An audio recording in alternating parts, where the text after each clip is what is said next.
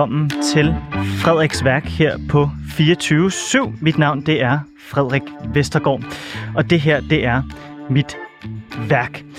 Frederiks værk er et øh, dybtegående kulturprogram, hvor at øh, vi godt kan lide at gå tilbage i tiden og finde nogle øh, lidt glemte ting frem fra skufferne. Og øh, det gør vi også i den grad i dag, fordi lige nu, der raser der en skrækkelig, skrækkelig krig på europæisk jord mellem Rusland og Ukraine. Og jeg vil derfor dedikere de næste to timer til konflikten, men ud fra et historisk og kulturelt synspunkt. I første time, der skal vi øh, sammen med formanden for Dansk-Ukrainsk Selskab, Ivan Nester, blandt andet dykke ned i øh, den store ukrainske poet og åndslige landsfader Taras Shevchenko. Der står faktisk også takket være Ivan en øh, byste af Taras Shevchenko i øh, København som øh, det eneste sted i Nordeuropa. I anden time, altså klokken 17, der skal vi øh, faktatjekke Vladimir Putins historiske bevidsthed. Vi skal have Vladimir Putin til historieeksamen. Vi skal kigge langt tilbage i Ukraines historie, og så skal vi faktatjekke Putins historiske påstande i den lange og historietunge tale, han holdt i mandags, hvor i han øh, retfærdiggjorde sin krig ud fra et øh, ja, historisk synspunkt. Har Putin ret? Det skal vi finde ud af senere. Jeg håber, at de næste to timer vil give dig, der lytter med derude, en større forståelse af de ukrainske og undskyld, af de historiske, kulturelle og åndslige forskelle og ligheder mellem Rusland og Ukraine, så vi gennem kulturhistorien kan blive bare en smule klogere på, hvad fanden der egentlig foregår mellem Rusland og Ukraine. Det her, det er Frederiks værk på 24-7. Mit navn det er som sagt Frederik Vestergaard. Rigtig hjertelig velkommen til.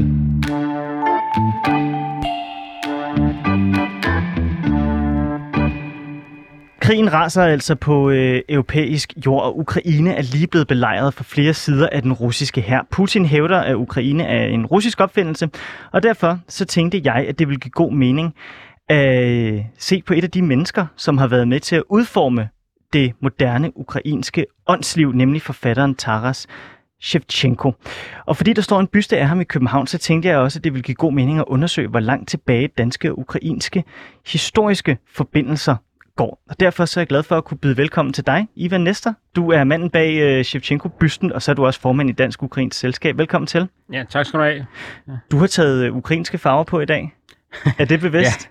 ja, ja det, det tror jeg er en tilfældighed, og det er den t-shirt, som jeg har, den gule t-shirt, den, det er altså um, et, et, et fodboldhold, som jeg er, også er tilhænger af. Du kan næsten godt næsten regne ud, hvad det er for et hold, men det har sikkert meget med sagen at gøre. Men det rigtige farverne, de passer jo, men den, mørke, den, den blå farve er nok lidt for mørk. ja, det, er, det var bare det første, jeg lagde mærke til, da du kom ind i studiet. Det var, at du havde øh, blå og gul på. Ja. Og tænkte, som formand for Dansk Ukrainsk Selskab, så kunne det næsten passende, ikke være passende i denne tid. Ikke? Ja, ikke? Altså, ja. Hvordan har du det egentlig? Altså som formand for Dansk Ukrainsk Selskab i de her dage? Ja, jeg har det, jeg har det svært. Jeg får selvfølgelig mange opkald og fra bekymrede øh, borgere og øh, kommunikerer også med mange på øh, Facebook og, og andre øh, sociale medier. Og det er selvfølgelig øh, er rigtig tragisk, det der, det der sker i øjeblikket. Hvad snakker du med dine medlemmer om?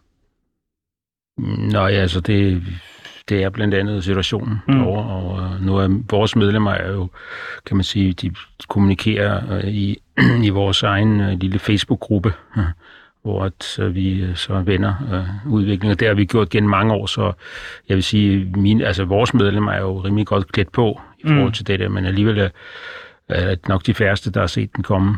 Ja. Jeg må indrømme, jeg troede heller ikke på, at det ville gå øh, så vidt øh, indtil for en uge siden, indtil indtil øh, Putins preskonference med Olaf Scholz. Der, mm. der troede jeg ikke på det, men da jeg hørte den preskonference, der, efter det, så, så kunne jeg godt se, hvad klokken var slået. Hvad sagde han til den preskonference, som, som gjorde, at du sådan tænkte, nu, nu er der ikke nogen tvivl længere? Ja, at uh, han ville løse problemet nu. Ja. Ja. Er der nogen af dem i din øh, forening, som øh, har taget øh, turen til Ukraine nu? Øh, ikke, ikke for foreningen.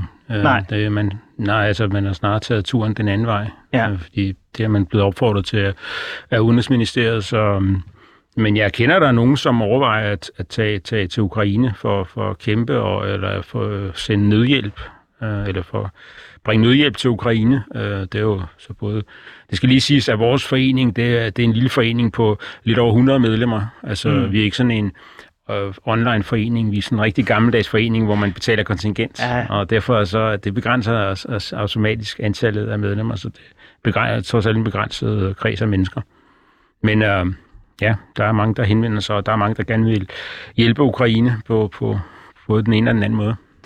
Jeg vil tænke bare, om der, jeg, jeg kommer også bare til at tænke på, om der var nogen i, øh, i, her i Danmark boende, herboende, der ukrainere, som kunne finde på at tage ned og kæmpe for Ukraine, selvom at de har boet her i mange år. Ja, altså det, det er der nogen, der, der, der, der, der overvejer. Altså der er i hvert fald oprettet en, øh, en, øh, en, en gruppe, øh, og ja, det er jo meget modige øh, mennesker, Ja. ja. må man sige. Jamen altså, det virker jo sådan helt øh, bizart at skulle stå og tale om, øh, om de her ting, og det er jo også en meget øh, alvorlig øh, situation, som, øh, som Ukraine står i. Men øh, Ivan, som jeg indledte med at sige, så øh, vil jeg jo gerne se lidt mere på øh, Taras Shevchenko, fordi han er jo ligesom... Øh, kan man læse sig frem til inde på øh, Dansk Ukrains Selskabs hjemmeside. Han er ligesom den, som vi siger, er den helt store fader i forhold til ukrainsk national identitet og åndsliv og så videre. Så jeg synes, det giver god mening at kigge på ham, også især fordi, at du har jo fået rejst en byste af ham i, øh, i København. Øhm, men, men når man så går ind på jeres øh, hjemmeside, så øh, går jo øh, meget langt tilbage i historien i forhold til danske og ukrainske forbindelser. Og en af de forbindelser der, det går faktisk helt tilbage til vikingetiden, inden der var noget, der hed Ukraine. Øhm, ja, hvad, øh, hvad lavede de danske vikinger i Ukraine allerede dengang? Ja, altså der, der var, øhm, hvis vi tager vikingetiden, så, øh, så sejlede, skulle de jo ned til Byzans. Altså det var, øhm, det var en alternativ rute øh, fra Skandinavien til Byzans, og Byzans det er det, der i dag hedder Istanbul, og det der også hed Konstantinopel øh, i mange øh, hundrede år.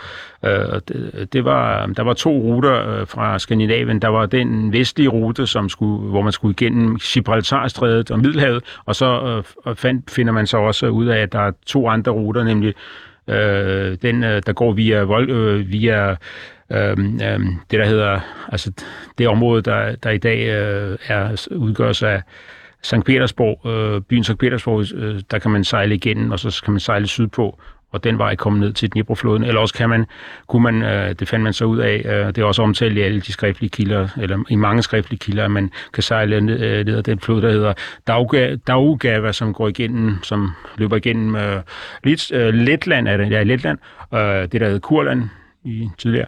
Og øh, så rammer man øh, en flod, der hedder Beresina. Øh, der skal man så godt nok lige... Øh, t- øh, øh, der skulle man så der var man nødt til lige at trække øh, øh, skibene et stykke over land, og så øh, hvorefter man så sejler ind i Dniprofloden. Det er en biflod til Dniprofloden, og så kommer man så til Dniprofloden, som jo fører hele vejen ned til, til Sortehavet, og, øh, og hvorfra man så kan komme til øh, Byzans. Øh, så det er, det er jo forklaring på, at man, øh, man etablerer en kontakt til Kiev, og det er sådan, Kiev det er et støttepunkt. Det er som sagt, det er jo en meget gammel by, den er jo nævnt i alle mulige skriftlige kilder, og øhm, den er fra 500, 500 efter Kristi, øh, så har en strategisk beliggenhed, og øh, den lå, dengang lå den jo på den vestlige øh, side af Dniprofloden, det vil sige, den var beskyttet mod øst, hvor øh, nomader, nomader stammer og andre folkeslag kunne, kunne tro den. Øh, så der var en naturlig grænse mod øst, og derfor var den øh, relativt godt beskyttet af de naturlige forhold.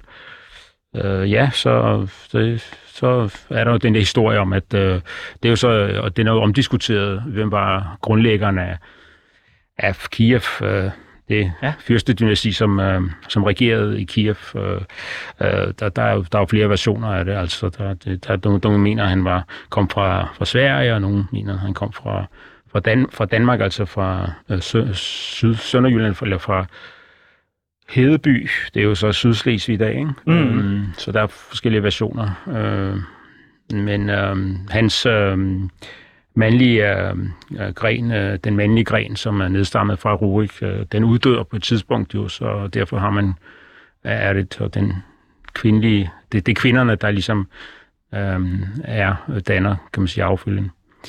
Eller er udgangspunktet for den efterfølgende affølge. Derfor kan man ikke spore, øh, øh, det, altså man, man kan ikke øh, gå tilbage og finde ud af, om der var nogle genetiske, øh, hvad hedder det, genetiske, om der var nogle relationer øh, til, øh, ja, til Rurik, fordi den mandlige, øh, øh, den mandlige side, den uddøde på et tidspunkt øh, få, ja, få relativt få år efter, eller få 100 år efter øh, stifteren af Kiev-riget.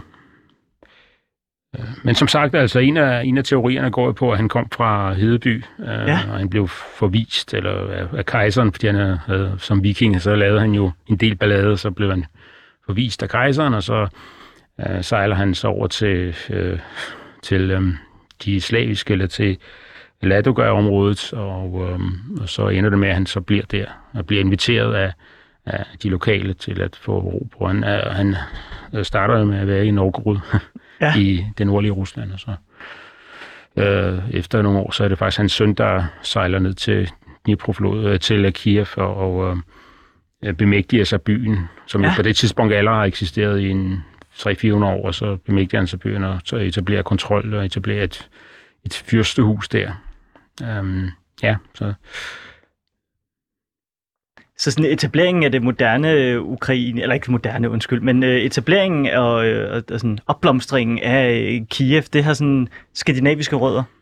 Ja, det er skandinaviske rødder, og det har også, ja, det har det jo, altså det er jo indiskutabelt. Men det er også rigtigt, at på et tidspunkt så hende, der er aftager til Rurik, at det er jo så en, der hedder Olga, en, en prinsesse, der hedder Olga, hun bliver gift med en lokal fyrste. Ja. Og det vil sige, at den, øh, den øh, fyrst, eller øh, de får så en søn, som senere bliver øh, storfyrst af Kiev. Og denne søn har jo hans mandlige DNA, det er jo så slavisk, det er ja. ikke skandinavisk. Dem kan man ikke rigtig spore det tilbage til Orik. Det har givet anledning til en hel del diskussioner og måske også misforståelser i, uh, i, uh, ja, i, i historieskrivningen. Um, ja. Hvis men, vi, men ja. det, jeg også vil, vil fremhæve, ja. det interessante ved Kiev er jo, at de første uh, cirka um, ja, faktisk cirka 500 år, kan man sige, der, der er det jo en, en ikke-kristen by, det er jo en, en, en, en ja. hedensk by, hvor man beder til de hedenske guder. Øhm, enten det er de lokale, eller det er de nordiske, øh, og det er også et interessant aspekt. Ja. Har man fundet øh, relikvier fra, øh, fra, fra hedenske offringer i øh, området arkeologisk?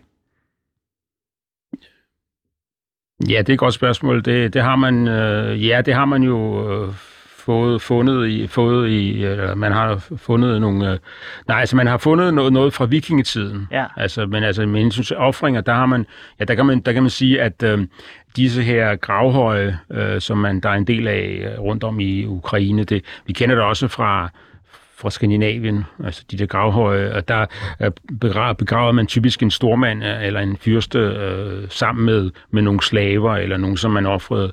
Øh, så det, i det omfang øh, øh, det er det, du mener, så, så Jamen, kan man sige, ja. så, så, så, så er det jo selvfølgelig, altså de der gravhøje, som man har haft i, øh, som man også, øh, øh det er jo så, til, der skal vi tilbage til 1800-tallet, der ja. har man fundet en del af gravhøje i, i, i, nede i Ukraine også. Øh, ja, de, de, det, det er jo selvfølgelig øh, øh, hedenske, ja, øh, hedenske øh, efterladenskaber, eller man skal sige, øh, monumenter. Det synes jeg da er vildt spændende, at der stadigvæk er, er synlige spor efter øh, øh, vikinger i øh, Ukraine i dag. Øh, ja, altså, nu kan man sige, at mange af de der gravhøje, de er faktisk blevet ødelagt. Okay. De blev raseret, de blev ødelagt, fordi at folk de ledte efter efter kunstgenstande eller, ah, eller ja. værdigenstande ja. i de her gravhøje. Der, der kunne være guld og alt ja, muligt andet. ja, og øh, det, det, kunne, det formåede myndighederne på det tidspunkt ikke rigtig beskytte. Og det har også noget at gøre med, at man var sådan set ligeglad med, med den der historiske arv, som gik meget langt tilbage, som gik meget længere tilbage end, end Rusland øh, statsdannelse. Øh, hvorimod at man her i Skandinavien, øh, der er man sådan i højere grad, øh, har man i højere grad øh, øh, været omsorgsfuld og, og har, har bevaret den med henblik på arkeologiske studier. Ja. Jeg kommer også til at tænke på, hvis der har været vikinger i øh, Kiev-området og har været med til at, øh, at få det område til at, at blomstre og udvikle sig, så må der vel også have været en eller anden form for sproglig indflydelse på, øh, på, øh, på øh, det talte sprog i øh, Kiev-regionen fra Norden. Ja, altså, vi har, vi har i hvert fald øh, øh, kilder, der, der, der siger, at, øh, at øh, Storfyrstens, Storfyrstens øh, livgarde øh, bestod af skandinaver. Ja. Og, og øh, hvis vi tager øh, det første, den første øh, traktat, der blev underskrevet mellem øh, øh Kiev-staten og øh, Byzans, så er alle de navne, der er fra Kiev-staten, det er skandinaviske navne. Øh, så der er ingen tvivl om, de talte øh, et skandinavisk sprog øh, på det tidspunkt, altså oldnordisk øh, formentlig. Og det var jo et fælles sprog på det tidspunkt, skal man lige huske på, at altså, hvis vi tager Skandinavien, så, øh, så, så var øh, der et fælles øh, oldnordisk, man talte et fælles oldnordisk sprog øh, på det tidspunkt, og alle kunne forstå hinanden inden for det skandinaviske område, i hvert fald inden for øh, Danmark og, og så det nuværende Sydsverige. Øh, det, det, det er sydøst, eller ja, sydøst, så ja, der, der, der talte man jo det der øst, mm. øh, skandinaviske sprog. Så ja, det, det er, der er ingen tvivl om, der har været en, en øh, påvirkning. Det ses også i, i, i forskellige ord i dag. Så. Er der nogle øh, ord i Ukraine i dag, som stammer tilbage fra, øh, fra oldnordisk? Ja, ja, det er der. Altså, ja, fra, fra skandinavisk. Ja. ja, ja. Det er der. Altså, det, der, er, der er en del ord. Altså, der, der er en del ord. Men altså, som kan sagt, så kom sproget, øh, så kom jo, altså man kan sige, det, vi ved jo dybest set ikke rigtigt, hvad, hvilket sprog, der blev talt, fordi vi har ikke nogen skriftlige kilder fra den tid. Nej. Øh, det øh, øh, skriftsprog, som kommer til, til, til Kiev, det kommer jo først i det 10. århundrede, og det kommer ned fra Grækenland, og det mm. er et, øh, det er nogle munke, der der kommer, der etablerer det, der hedder kyrillisk. Øh, ja. Det er opkaldt efter en af munkene, han hed Kyril, eller Cyril på engelsk, ikke? altså Kyril, mm. og det kyrilliske alfabet, det var noget, han opfandt, og det overtog man så i kirken, i øh, den ortodoxe kirke i i, øh, ja, i det nuværende Ukraine, eller i Kiev. Man skal jo lige også lige øh, have en mente, at øh, den ortodoxe kirke, altså første hoved, hovedsæde, det, det er netop i Kiev. Mm. Så det er også den ortodoxe kirkes øh, vugge i det område, i det østslaviske øh, øh område, eller ja, østslaviske område, som det jo er. Ikke? Så øh, ja, så derfor, øh, det, vi, det vi ved, det er, at der var, det var, der var selvfølgelig runerne, og så var der så efterfølgende kom jo så øh, det, det der slaviske sprog, eller, som, blev, som jo kom ned fra Grækenland. Så hvad, hvad de taler, det, på det tidspunkt ved vi ikke rigtigt, men det, er, det har været sådan en, et, øh, en form for oldnordisk, og så ja. blande op med det lokale, de lokale øh, sprog. Men eftersom vi ikke har nogen skriftlige Nej, det kilder det. fra den tid, så andet end runerne, og runerne det er jo old, oldnordisk. Ja. Har du et eksempel på, øh, på nogle øh, ord, man bruger i Ukraine i dag, som stammer tilbage fra skandinavisk? Jo, ja, ja, det, øh, der fangede du mig lige. ja, øh, ja, altså det, ja, altså det, det er, øh, det er der jo, altså der er jo mange, altså af mælk, øh, øh, mælk ligner, øh, mælk på skandinavisk eller på dansk ligner jo øh, mælk, øh, ordet mælk på, på, på russisk eller på, på, øh, på et af de slaviske øh, sprog. Øh, ja, det, hvordan, hvordan siger man mælk på russisk?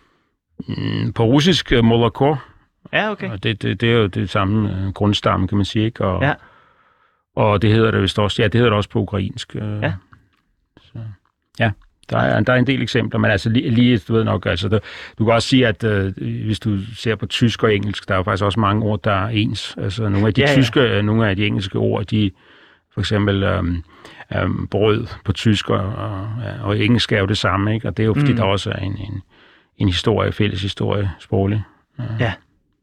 Ja, og, og kniv, som øh, hvad hedder det, jo hedder knife, som det så siddet i, i Danmark på det tidspunkt, da vikingerne tog til, til England. Ja. Sådan nogle eksempler der. Ja. Øh, hvis vi sådan springer lidt frem i, øh, i historien, øh, Ivan, så var der noget, som øh, jeg synes, der var ret fascinerende, som jeg læste inde på øh, Dansk Ukrains Selskabs hjemmeside. Og det var, at da der var øh, et af de, øh, de største borgerkrige i Danmarks historie i 1100-tallet, så var der faktisk nogle Kiev-prinsesser, som var gift ind i den danske nobilitet og i det danske kongehus på det her tidspunkt, som på en eller anden måde influerede den øh, konflikt, der var på det tidspunkt. Var, øh, var, var Kiev på det her tidspunkt i 1100-tallet en, øh, en, en, en stat, som man gerne ville giftes ind i og have, have gode forbindelser til? Ja, altså ja, i 1100-tallet, der, der, i den periode, vi taler om, altså i borgerkrigsperioden, det er altså før Valdemar den Store kommer til magten i Danmark, øh, hvilket han gør i 1157. Den periode, øh, det, der er Kiev stadigvæk en stormagt. Um, og der er, men på det tidspunkt er der jo også, også på det tidspunkt er der selvfølgelig øh, borgerkrig, indbyrdeskrig. Det er måske ikke forkert at bruge ordet borgerkrig, men, men uh, i nogle af vores uh, broderlande har de et, et ord, der hedder indbyrdeskrig, og det synes jeg er ah, meget ja. passende at, ja. anvende i den forbindelse, indbyrdeskrig. Ja. Ikke? Og, og der, hvor man jo, uh, hvor det faktisk er reelt af fyrsterne og deres livgarder eller garder, der slås mod hinanden, ikke? og deres hære uh, slås mod hinanden.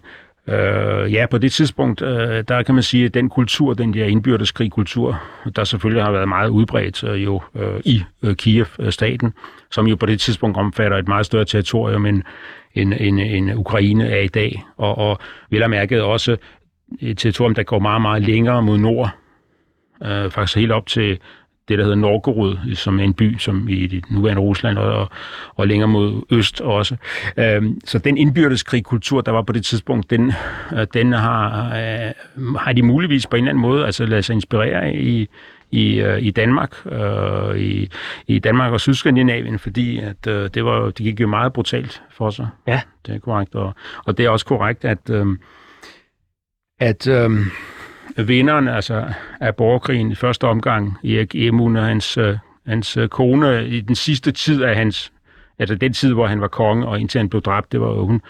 Hun var øh, datter af Kiev, øh, fyrsten Stislav, som øh, igen var øh, søn af øh, en, der hed Vol- Vladimir, hedder han jo, Vladimir Monomark, og ja, og, og så øh, er det jo korrekt, at, øh, at Knud Laverts øh, øh, kone Ingeborg var hendes søster.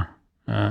Og øh, da øh, hun, eller da Valdemar blev født, øh, få dage efter, øh, at øh, Knud Lavert blev dræbt i, i, Hedens, i øh, Harlsted skov i, på Sjælland, i nærheden af Ringsted på Sjælland, ja, så, så, så opkalder hun ham efter sin bedstefar. Ikke sin far, men sin bedstefar, øh, øh, Valdemar. Og det, det navn går, går så videre i, i nogle generationer faktisk. Mm. Vi har fire der er fire Valdemar i, i Danmarks historien, som er konger.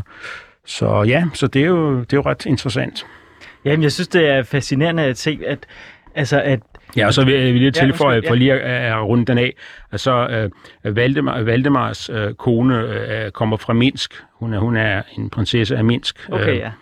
Så hun, uh, uh, men det er ikke helt det samme som, som Kiev, men det er dog en del af Kiev. Uh, Minsk var dog en del af, af, af Kievriget på det tidspunkt.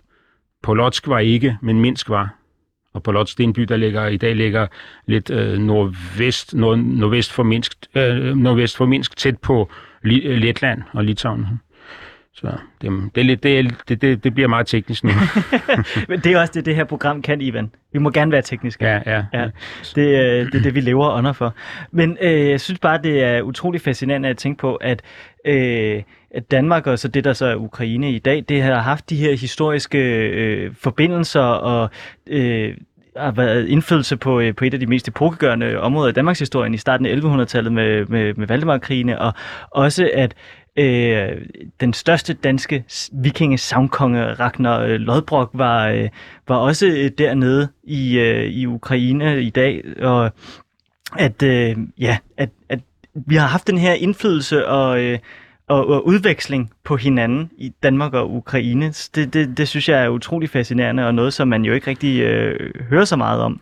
Ja, altså det er selvfølgelig vigtigt at lige at understrege uh, for retfærdighedens skyld, at uh, det hed jo ikke Ukraine på det tidspunkt, nej, nej. men rent geografisk, så taler vi selvfølgelig om det, det område, som i dag er Danmark, og det område, som i, dengang, uh, som i dag er Ukraine. Uh, ja, og man kan så diskutere, om det også hed Danmark på det tidspunkt, hvornår er det, at det begynder at hedde Danmark, og hvad, ja, det var, hvad det var det, der var Danmark. Uh, der, uh, ja, der, der er der også en hel masse diskussioner, men der mener man jo så, at det måske er i det, i det 9. århundrede i virkeligheden, mm. når man begynder at tale om, om, om Danmark.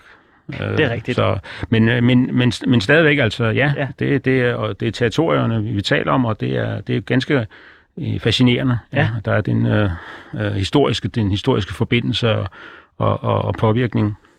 Og derfor er det jo så også på en eller anden måde så øh, utrolig øh, passende, at vi i øh, Danmark som det eneste sted i Nordeuropa, i København, har en øh, byste, takket være dig, Ivan, af Taras Shevchenko. Ja, det... altså, ja, det skal lige siges, det, det, ja, jeg, jeg var selvfølgelig måske, nej, jeg var, jeg var selvfølgelig primus motor eller tovholder på det, men det var også øh, en meget velvillig indstilling fra Københavns Kommune med jo, jo. Jens Peter Munk i spidsen, øh, den monumentansvarlige Jens Peter Munk, som stadig, hvis nok stadigvæk er monumentansvarlig i teknik og miljøforvaltning, og så også den daværende ukrainske ambassadør, som i dag er leder, eller som i dag er direktør for Lufthavnen i Kiev, Øh, og han, han øh, finansierede jo faktisk øh, monumentet, øh, hvilket gjorde, gjorde proceduren meget nemmere og hurtigere. Men, men, men der skal jo stadigvæk en gnist til at starte et bål. Så jeg synes, ja. du, du får ydmyg, men jeg forstår godt din, øh, din pointe, Ivan. Men, men, men Taras Shevchenko, han er utrolig vigtig for øh, det moderne Ukraine, men øh, ikke en person, man ved meget om i øh, Danmark, eller bliver øh, fortalt meget om i, øh, i Danmark. Øh, hvem er han? Ja, altså, du siger, han er, han er forfatter. Ja, han var, han, han var lige så meget digter. Altså, han blev allermest kendt for sine digte.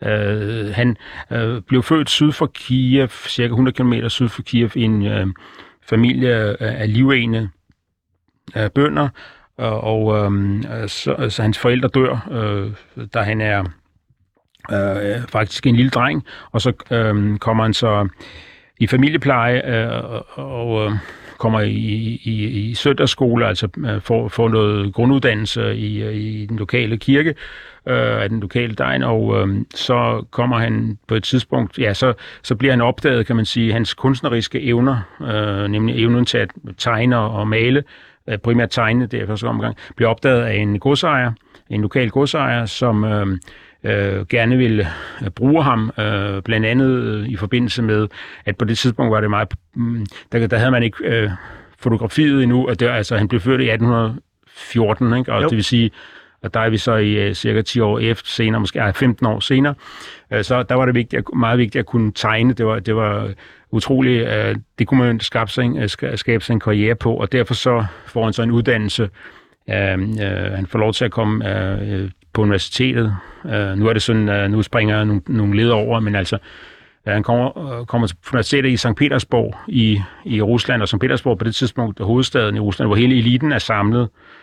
Øh, og der bliver han så også, kan man sige, øh, der er nogen, der tager ham til sig, og, og um, for at fremme hans karriere, og, og ja, så begynder han så at, øh, at digte øh, øh, i en alder af, øh, hvad lad mig lige se, der, der er en i starten af 20'erne, 24 eller sådan noget, der begynder han at, at skrive de der digte, som jo er, er meget er revolutionerende, og vi må også øh, sige, at de er også temmelig antirussiske, okay. øh, i deres indhold. Ja, ja, nogle af dem i hvert fald. Ikke? Ja. Nogle af dem er også, øh, hvad skal man sige, er også fordømmende over for øh, blandt andet polakker og, og så videre.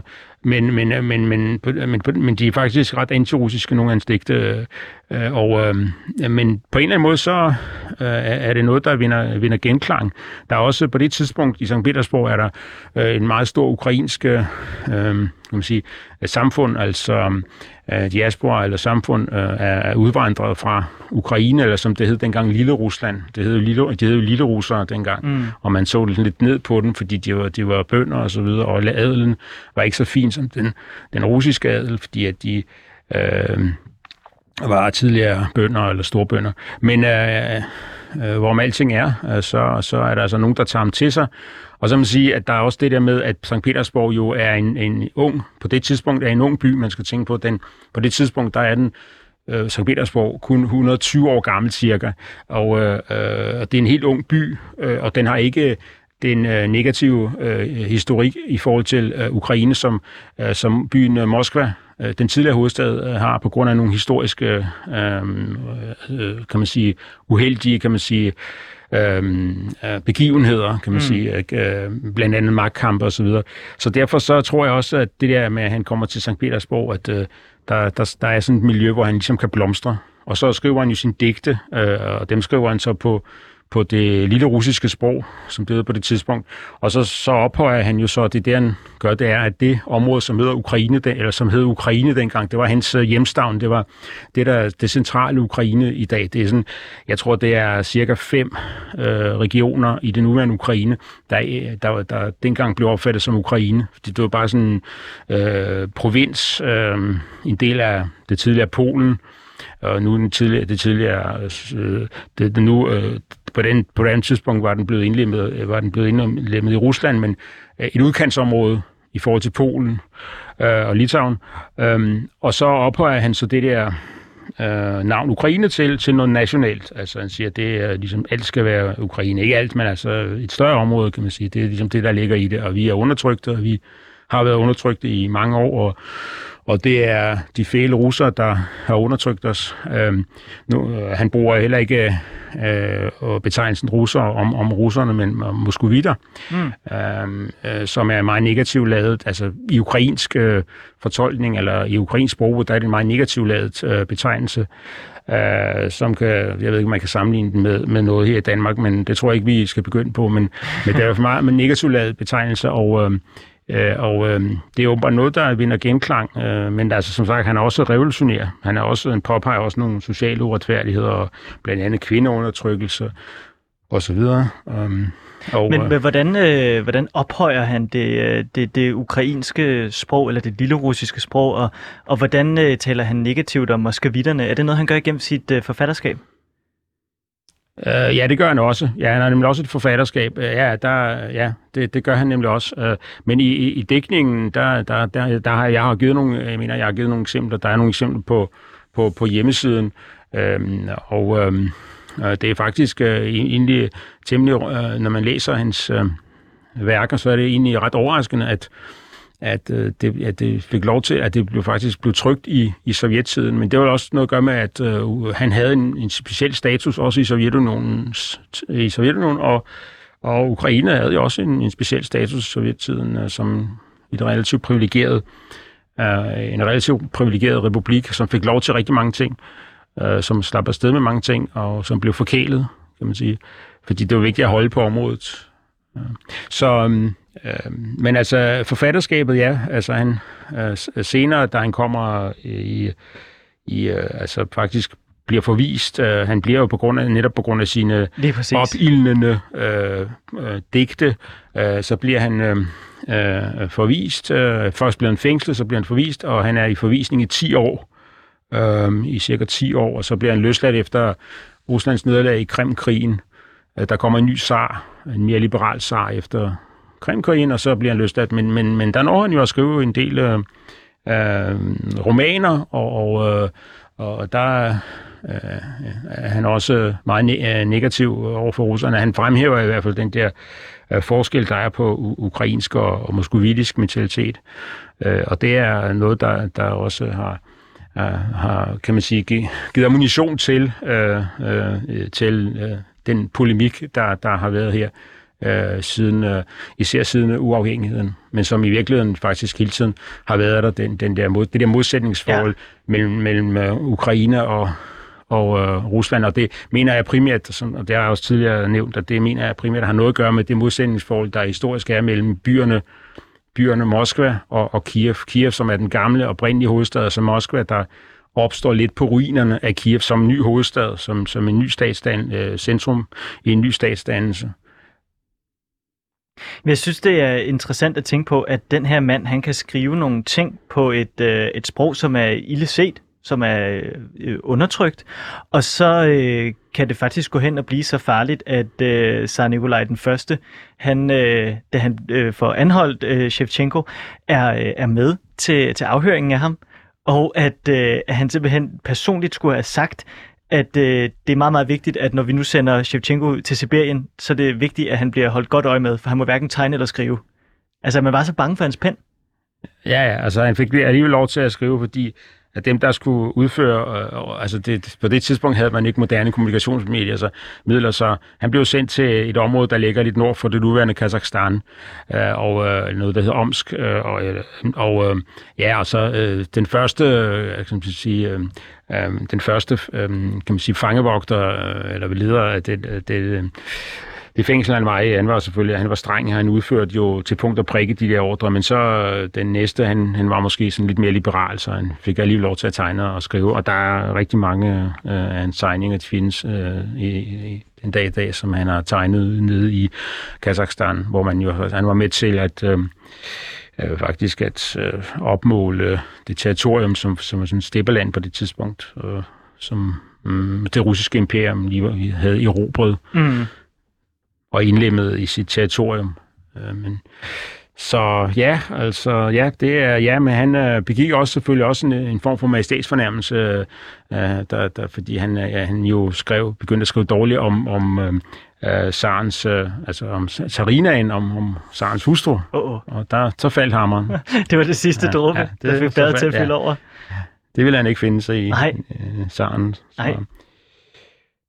Men hvor stammer den her tanke, som øh, øh, Shevchenko har med, at der skal være en, øh, et, et uafhængigt land, der hedder Ukraine, og som øh, er sit eget, og som ikke er en del af, af det, som øh, Moskva dikterer?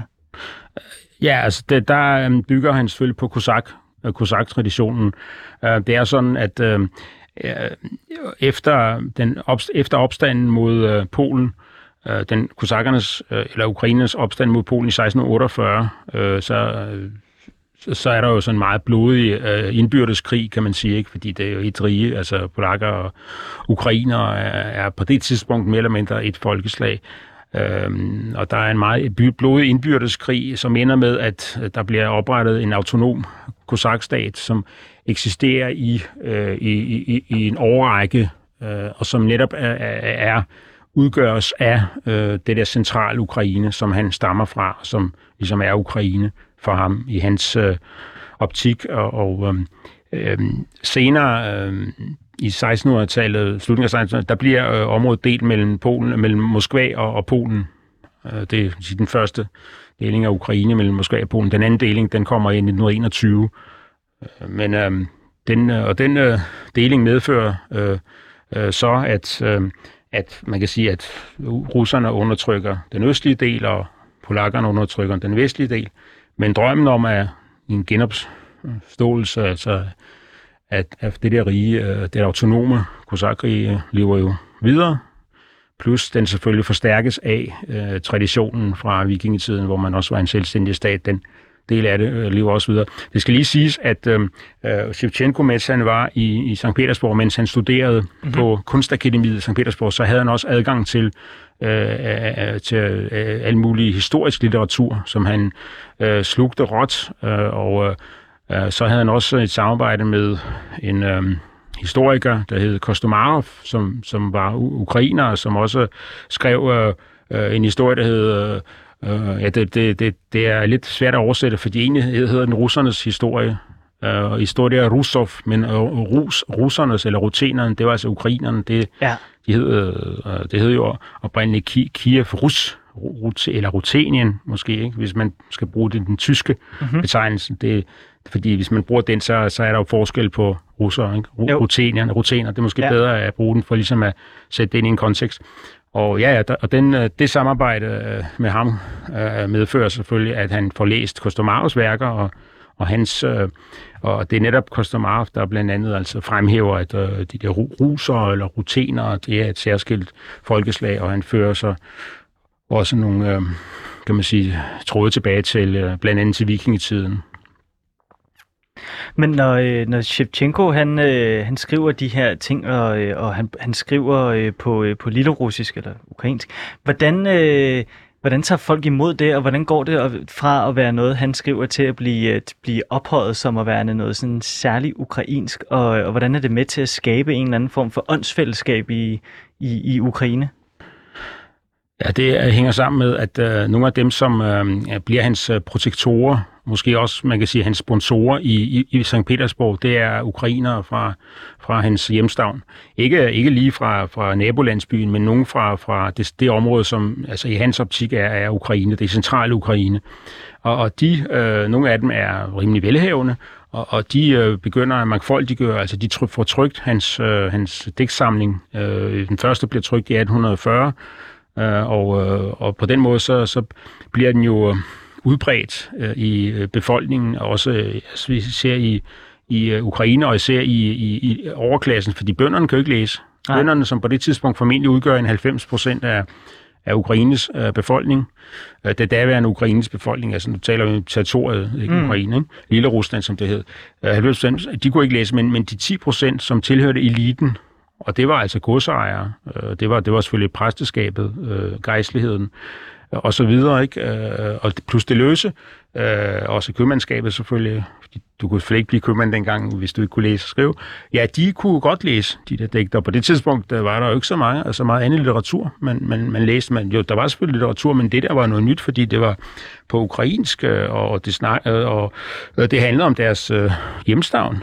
Altså, det, det, det, var, det var hans referenceramme, det var jo hjemstavnen, og de historiske begivenheder, der har fundet sted der, og og også de fortrædeligheder, der har fundet sted, det er han jo. Han er, man kan godt sige, at han er sådan lidt øh, pole, polemisk, eller det, det kan man roligt sige, han er, han er meget polemisk i sin, øh, i sin øh, i sin dækning, og også, man kan sige, lidt, måske lidt, lidt overdrevet negativ nogle gange, ikke? Øh, okay, men, men det er jo fordi, han, han er sådan øh, meget, øh, øh, altså, øh, for, forarvet øh, på, på den undertrykkelse, der, der har fundet sted. Hvordan er hans, øh, hans, øh, hans sidste år? Når han at, at opnå en eller anden form for berømmelse, og, og, og bliver han hedret i sin øh, samtid?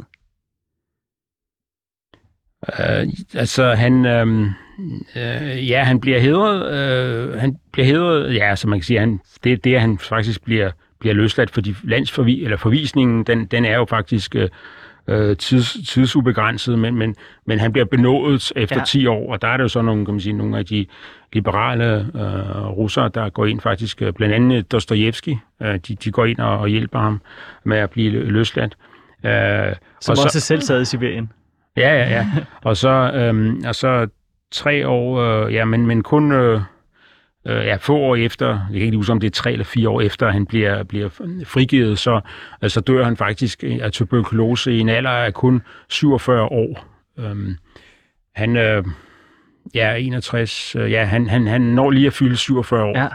Men øh, han... Øh, Øh, men altså, han, øh, han, øh, han, den heder, han får, skal lige sige, den, den øh, hedersbevisning, han får, det er, at hans, hans øh, øh, ønske øh, fra øh, et af hans digte om, at han skal begraves på et bestemt sted, og, øh, som jo ligger meget tæt på, på hans øh, hjem, øh, hjemby eller øh, fødelandsby.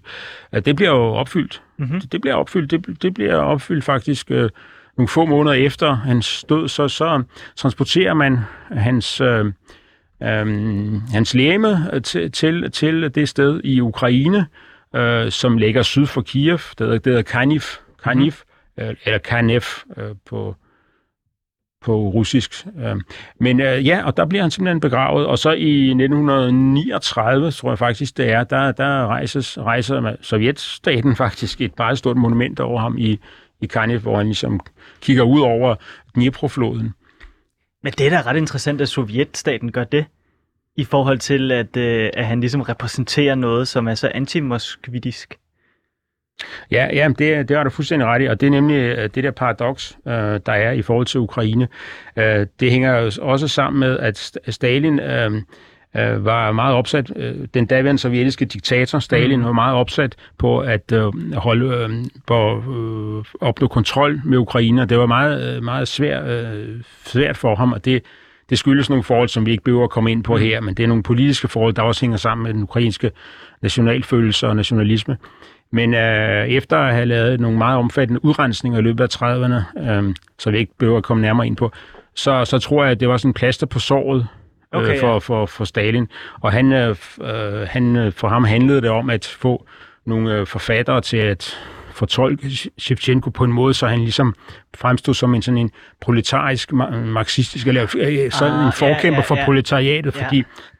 på visse punkter kan man godt, eller hvis man tager nogle af hans digte, så kan man godt sige, at der er noget social indignation. Øh, de har noget social indignation, som, som, som øh, man også godt kan øh, tage, som øh, tolke ind i klassekampen.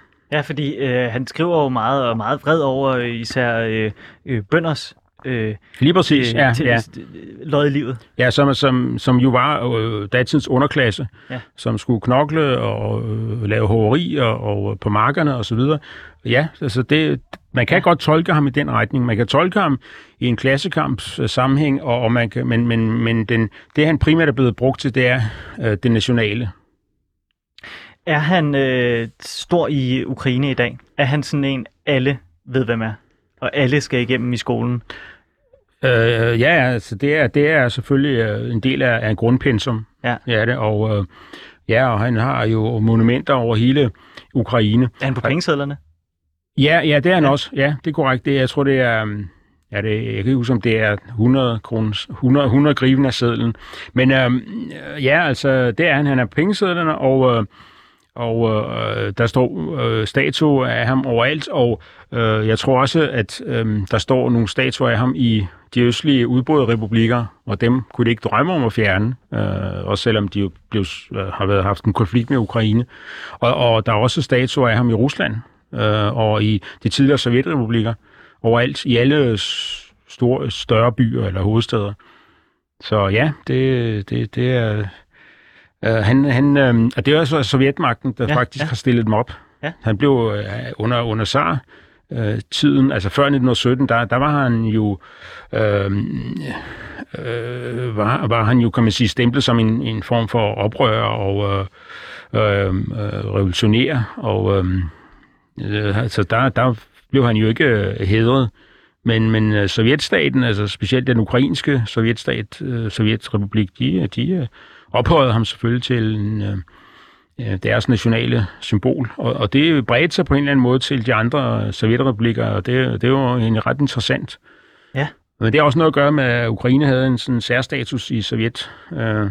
Øh, tiden som øh, ja, de fik, øh, fik ligesom lov til meget. Plus ja. at ukrainerne, de øh, ukrainerne udvandrede også meget, i da, dengang udvandrede de meget til de andre republikker øh, for at arbejde og, og øh, for at gøre karriere, og øh, det har måske også øh, betydet, det har måske også været medvirkende til, at, at der blev rejst alle de, de monumenter af Shevchenko i de andre republikker.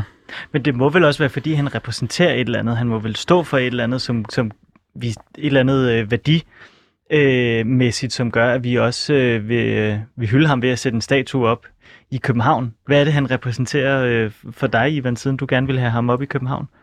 Ja, altså det, som blandt andet var begrundelsen, øh, som jeg øh, det, det, som jeg blandt andet argumenterede for, det var, at han selvfølgelig havde et humanistisk, øh, han, han var jo humanist, altså han havde et budskab, der var både humanistisk, socialt og almindeligt, nemlig altså frigørelse fra slaveriet eller fra hoveriet, og øh, kan man sige, ligestilling var der også, øh, kan man også argumentere for, at han, altså en kvinde, kvindebeskyttelse, øh, beskyttelse, kan man sige, eller beskyttelse af kvinder mod, mod, mod overgreb faktisk. Øh, det, det, var, det har han også været inde på.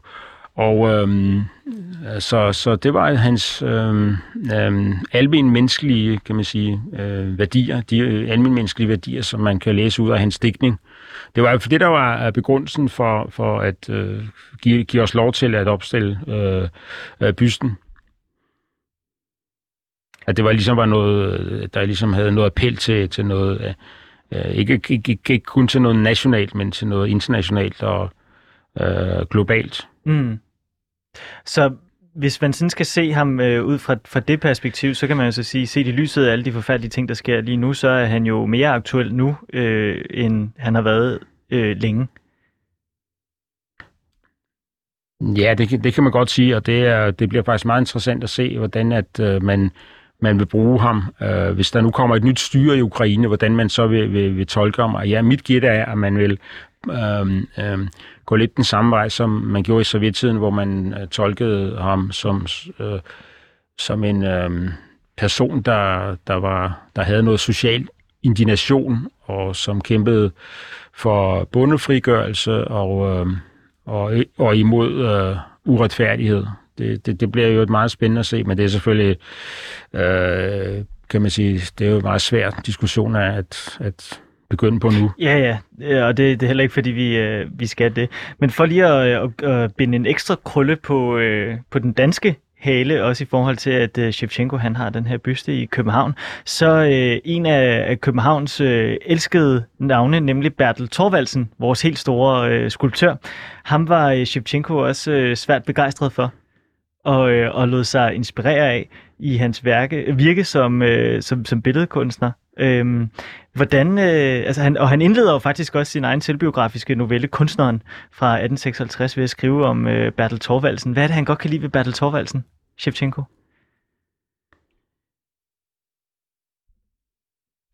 Altså, på det tidspunkt, så var øh, Bertel Thorvaldsen, tror jeg, simpelthen øh, bare et meget stort navn i, i, i Europa.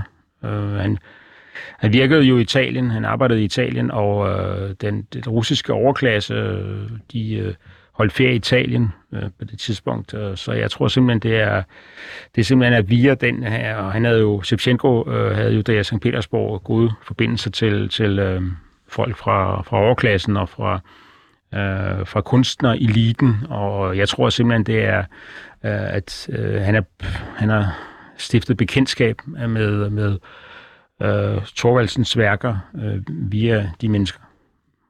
Men det er da også meget fornemt at starte sin egen selvbiografiske roman med at, at henvise til, øh, til Thorvaldsen. Det er da virkelig et nik med, øh, med hatten. Ja, ja. Altså, han øh, planlagde også at, at besøge København, men det, det blev ikke til noget, fordi han blev, øh, fik influenza, og så måtte, de, måtte han vinde om. Ja. Men øh, her til, til, til, til allersidst, hvordan, øh, Ivan, med øh, Shevchenko-statuen, har I været ude i Dansk Ukrains Selskab og, øh, og, og samle jer om, øh, om, øh, om bysten i, øh, i de her tider, ligesom øh, jeg kan se, I, øh, I gør ved, på Ukraines nationaldag? Ja, og på hans fødselsdag. Ja. ja. Og hans fødselsdag, det er den 9. marts, det er jo snart, ja. så der regner jeg da med bestemt med, at vi igen skal samles om, om, by, om bysten. Ja. Selvfølgelig øh, bliver, bliver den samling jo selvfølgelig, eller det møde præget, er selvfølgelig præget af, af den seneste udvikling, men den har jo været dramatisk. Altså, det, for otte år siden kan jeg også huske, at uh, det var, situationen var noget lignende. Ja. Og der var, jo, to, der var det jo 200 år for hans fødsel. Så ja, det er, det er selvfølgelig uh, ja, det er et, et, et symbolladet, uh, en symbolladet uh, monument. Ivan Nestor, du er formand for Dansk Ukrains Selskab. Du skal have tusind tak fordi du ville øh, være med her i dag og fortælle om øh, den store ukrainske forfatter, Shevchenko. Det har været en øh, stor fornøjelse. Selv tak. Selv tak i lige måde.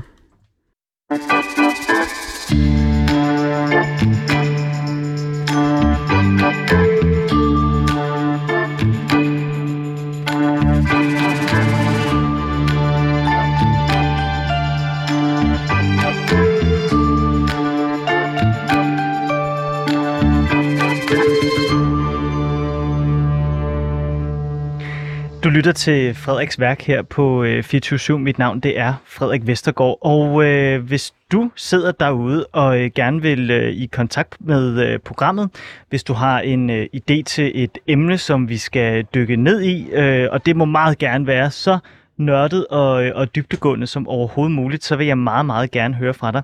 Du kan skrive til mig inde på øh, 24-7's app. Du skal bare gå ind og så skrive Frederiks værk, og så bliver du dirigeret hen til en chatfunktion, og så kan du øh, komme i kontakt med programmet her. Du kan også kontakte mig inde på frederiksværk 247dk hvor E'et altså er et A-E.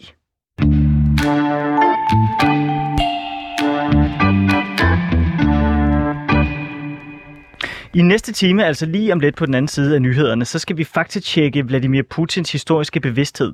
Jeg får øh, to øh, russe, ruslandskendere og historikere ind i studiet til at fortælle om Ukraines forhold til øh, Rusland rent historisk, for at vi kan finde ud af, om Putin overhovedet har ret i, når han siger, at Ukraine og Rusland de hører sammen. Det er på den anden side af nyhederne, nu klokken 17.